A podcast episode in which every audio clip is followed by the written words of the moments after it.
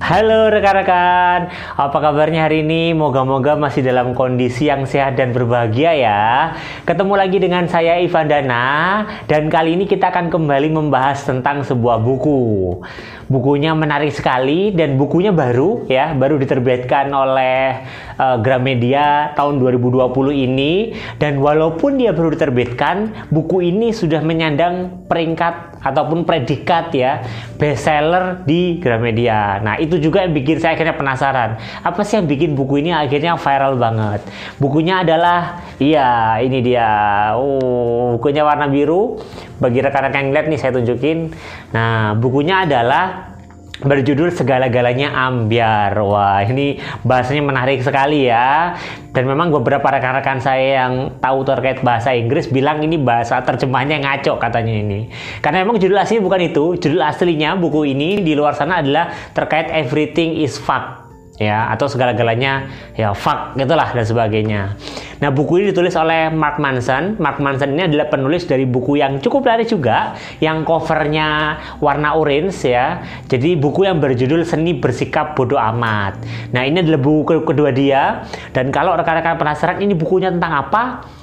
di, di cover ini menceritakan bahwa bukunya katanya itu adalah bercerita tentang harapan atau ini buku tentang harapan. Oh, menarik sekali ya.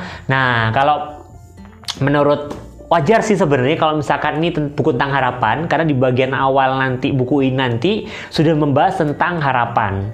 Buku ini menceritakan tentang perjalanan atau kisah dari uh, Witold Pilecki, salah seorang pemegang banyak penghargaan dan juga tentara yang telah menangkan banyak uh, medali ya karena perjuangannya. Nah, ceritanya Pilecki itu merasa bahwa dia harus pergi ke Auschwitz. Di Auschwitz itu katanya kobor konon katanya ada penjara yang baru dibangun oleh Jerman ketika itu. Peristiwa ini berjalan atau terjadi di tahun 1940. Nah, ketika si Auschwitz ini atau penjara Jerman yang ini akhirnya dibangun, konon katanya banyak petinggi-petinggi dari Polandia itu yang hilang. Nah, Pilecki merasa bahwa kayaknya jangan-jangan para petinggi-petinggi di negara Polandia ini diculik nih dan mereka ditawan di tempat ini. Maka ini akhirnya membuat dia memutuskan untuk kemudian pergi ke penjara Auschwitz ini. Keputusan yang kemudian akhirnya ditertawakan dan bahkan dibilang gila oleh rekan-rekannya. Kenapa? Karena beberapa tentara tahu bahwa penjara Auschwitz ini adalah penjara yang sangat tertutup, tidak banyak orang yang tahu dan konon katanya orang-orang yang ke sana itu tidak pernah keluar kembali.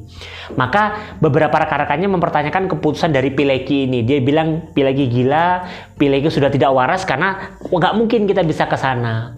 Nah, tapi Pilecki akhirnya memutuskan untuk pergi ke Auschwitz dan di sana dia menyamar sebagai tawanan ya, e, menyerahkan dirinya sebagai tawanan dan dalam waktu dua tahun Pilecki ini akhirnya berhasil membuat rantai komando di penjara tersebut, berhasil berkomunikasi dengan pihak di luar penjara untuk untuk kemudian merencanakan kabur, rencana untuk kabur atau kemudian melarikan diri.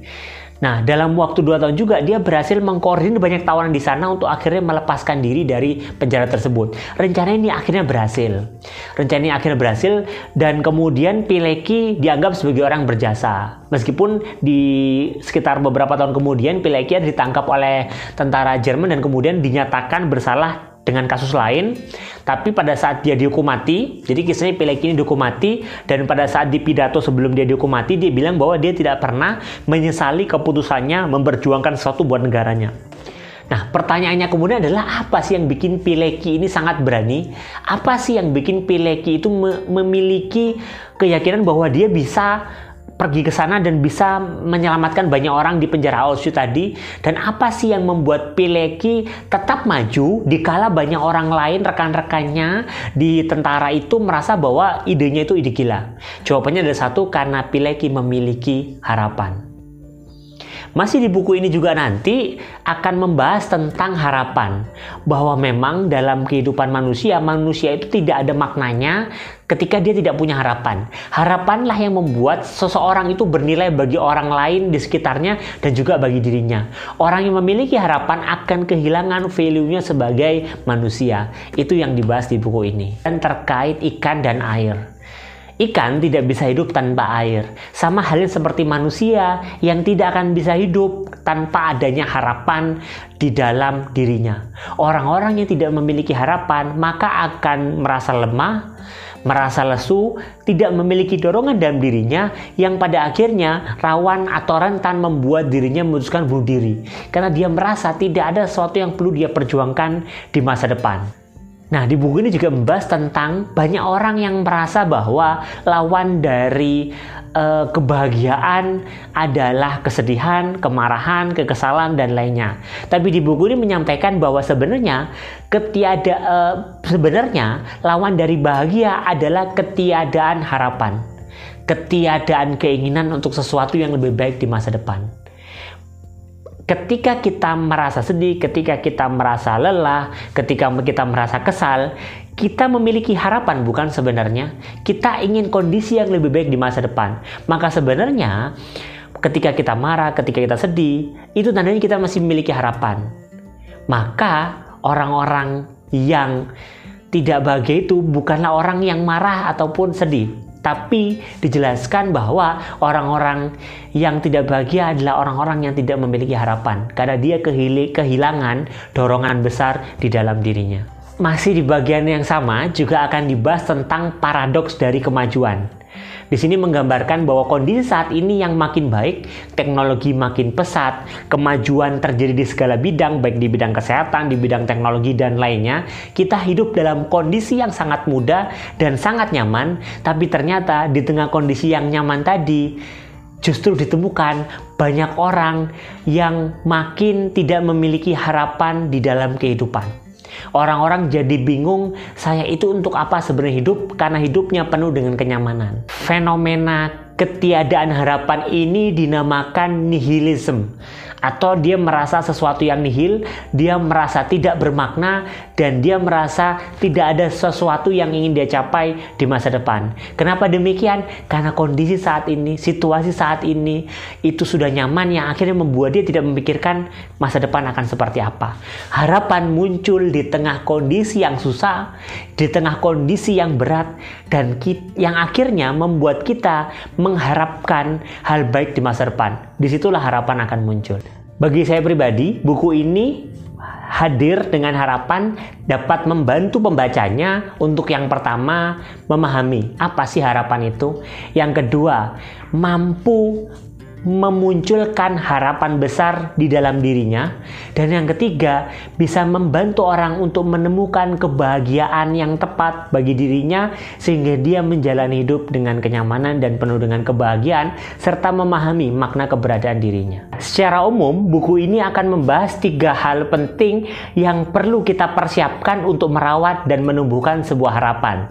Tiga hal penting tersebut, yang pertama adalah kesadaran akan kendali diri, yang kedua keyakinan akan sebuah nilai, dan yang ketiga adalah sebuah komunitas. Nah, saya akan jelaskan satu persatu ya, apa sih tiga poin penting yang perlu kita persiapkan untuk menumbuhkan dan merawat sebuah harapan. Yang pertama adalah kesadaran dan kendali diri. Ya, benar sekali.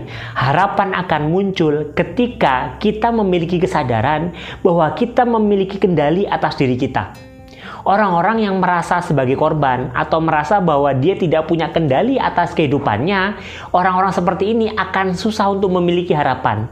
Karena ketika ada hal sulit di dalam dirinya atau dalam kehidupannya, dia akan merasa bahwa tidak ada hal yang bisa dia perbuat. Maka harapan tidak akan muncul. Maka ketika rekan-rekan ingin menumbuhkan dan merawat harapan, pastikan rekan-rekan memiliki keyakinan atas kendali diri bahwa teman-teman bisa melakukan perubahan di dalam diri rekan-rekan sendiri saat ini. Yang kedua adalah harapan akan bisa kita tumbuhkan dan rawat ketika kita memiliki kesadaran dan keyakinan terhadap suatu nilai. Harapan akan selalu muncul ketika kita meyakini bahwa ada hal positif yang bisa kita dapatkan dari kondisi negatif atau kesulitan yang kita rasakan. Harapan akan selalu muncul ketika kita yakin dan percaya bahwa setelah kita mengalami kejadian buruk atau kesulitan atau hambatan atau tantangan, kita yakin bahwa di masa depan atau ke depannya kita akan memiliki atau mendapatkan sesuatu yang positif. Itu kenapa di poin kedua ini biasanya harapan akan dikaitkan dengan agama. Nah, nanti di buku ini juga akan dijelaskan tiga jenis agama dalam tanda kutip. Yang pertama adalah agama ideologis, yang kedua adalah agama spiritualis, dan yang ketiga adalah agama interpersonal. Apa itu? Nah, silakan teman-teman nanti amati, karena nanti akan dijelaskan perbedaan masing-masing agama tersebut. Bukan dalam artian membahas agamanya, tapi berkaitan dengan konsep agama itu yang akhirnya dihubungkan dengan harapan. Dan yang ketiga, Harapan dapat kita rawat dan tumbuhkan melalui sebuah komunitas. Pengalaman emosi di dalam diri kita menghasilkan pengalaman yang akhirnya akan memunculkan nilai-nilai dalam diri kita. Ketika kita memiliki pengalaman akan memunculkan emosi, emosi akan memunculkan nilai-nilai. Dan orang-orang yang memiliki nilai ini ketika dia saling dikumpulkan dengan orang-orang yang memiliki nilai sama, maka akan makin meluas pemahamannya, keyakinannya. Itu kenapa sebabnya salah satu hal yang bisa membuat harapan itu tumbuh adalah keberadaan komunitas. Karena orang-orang yang memiliki nilai-nilai emosi yang sama, pengalaman yang sama, berkumpul dan saling memperkuat emosi dan nilai-nilai keyakinan mereka. Sehingga akhirnya harapan pun akan makin muncul di antara mereka. Salah satu topik pembahasan di buku ini yang bagi saya menarik adalah kaitannya dengan harapan dan kehancuran. Uh, maksudnya apa tuh? Karena ternyata yang dimaksud adalah konflik, kekacauan, kerusakan, justru itulah yang menjaga agar harapan itu tetap ada. Artinya apa? Segala hal yang negatif tadi itu justru itulah yang kemudian menciptakan harapan di dalam diri manusia. Karena kalau kita melihat ke belakang di masa lalu, ketika terjadi kekacauan, ketika terjadi konflik, ketika terjadi peperangan mungkin, atau ketika terjadi penjajahan atau kondisi yang tertekan yang tidak nyaman, di situ pula lah harapan akan muncul. Sumber yang menciptakan perpecahan, kebencian, sumber itu juga lah yang akhirnya memunculkan sebuah harapan. Jadi di tengah kondisi yang tidak ideal, pasti harapan akan muncul. Kenapa demikian? Karena harapan akan bisa muncul ketika kita meyakini bahwa dari masalah yang terjadi ada sesuatu yang bisa kita dapatkan di masa depan. Ketika ada sesuatu yang tidak enak, ketika ada konflik yang terjadi, ada sesuatu hal positif yang bisa maknai di masa depan. Di situlah proses harapan itu akan muncul. Ini menjelaskan di awal tadi uh, sempat dibahas bahwa Ternyata hidup di kondisi yang nyaman justru membuat orang minim harapan atau merasakan nihilisme, yaitu merasakan ketiadaan harapan di dalam kehidupan kita sehari-hari. Jadi bagi rekan-rekan yang mungkin merasa sedih, galau, kesel karena hidupnya susah, jangan sedih karena itu adalah proses munculnya sebuah harapan ketika rekan-rekan bisa memaknai kondisi tidak ideal tadi dengan lebih baik. Salah satu hal yang ingin diingatkan melalui buku ini dan juga saya tangkap maknanya adalah kaitannya dengan jangan mengharapkan kebahagiaan. Ternyata banyak orang yang mengharapkan kebahagiaan itu sering kali berakhir dengan cara yang salah. Maka Mark Manson mengingatkan jangan mengharapkan kebaikan, jangan mengharapkan kebahagiaan. Cukup jadilah baik, cukup jadilah bahagia. Karena terkadang ketika kita terlalu menggebu-gebu, terlalu mengharapkan sesuatu, kita cenderung menghalalkan menggunakan segala cara untuk mencapai harapan kita tadi. Maka cara terbaik adalah kita boleh punya harapan, tapi dimulai dengan mindset dan niatan untuk jadi sesuai dengan harapan kita tadi. Langsung lakukan apa yang bisa kita harapkan tadi itu per hari ini. Kenapa? Karena ketika kita terlalu mengharapkan sesuatu, kita akan menggebu-gebu, kita akan terobsesi dengan hal tersebut yang akhirnya membuat kita cenderung menghalalkan berbagai macam cara. Kesimpulan yang saya dapatkan setelah saya baca buku ini adalah buku ini mengajak kita untuk menerima hal-hal negatif di dalam diri kita. Kita merasakan penderitaan, kita merasakan banyak masalah, kita merasakan banyak kesulitan. Buku ini mengajak kita untuk menerimanya semua.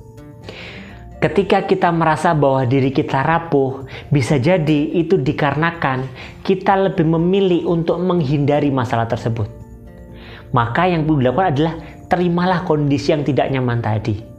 terimalah diri diri kita yang penuh dengan masalah. Karena penerimaan inilah yang akhirnya akan membuat kita lebih kuat dan kita memiliki harapan jauh ke depan.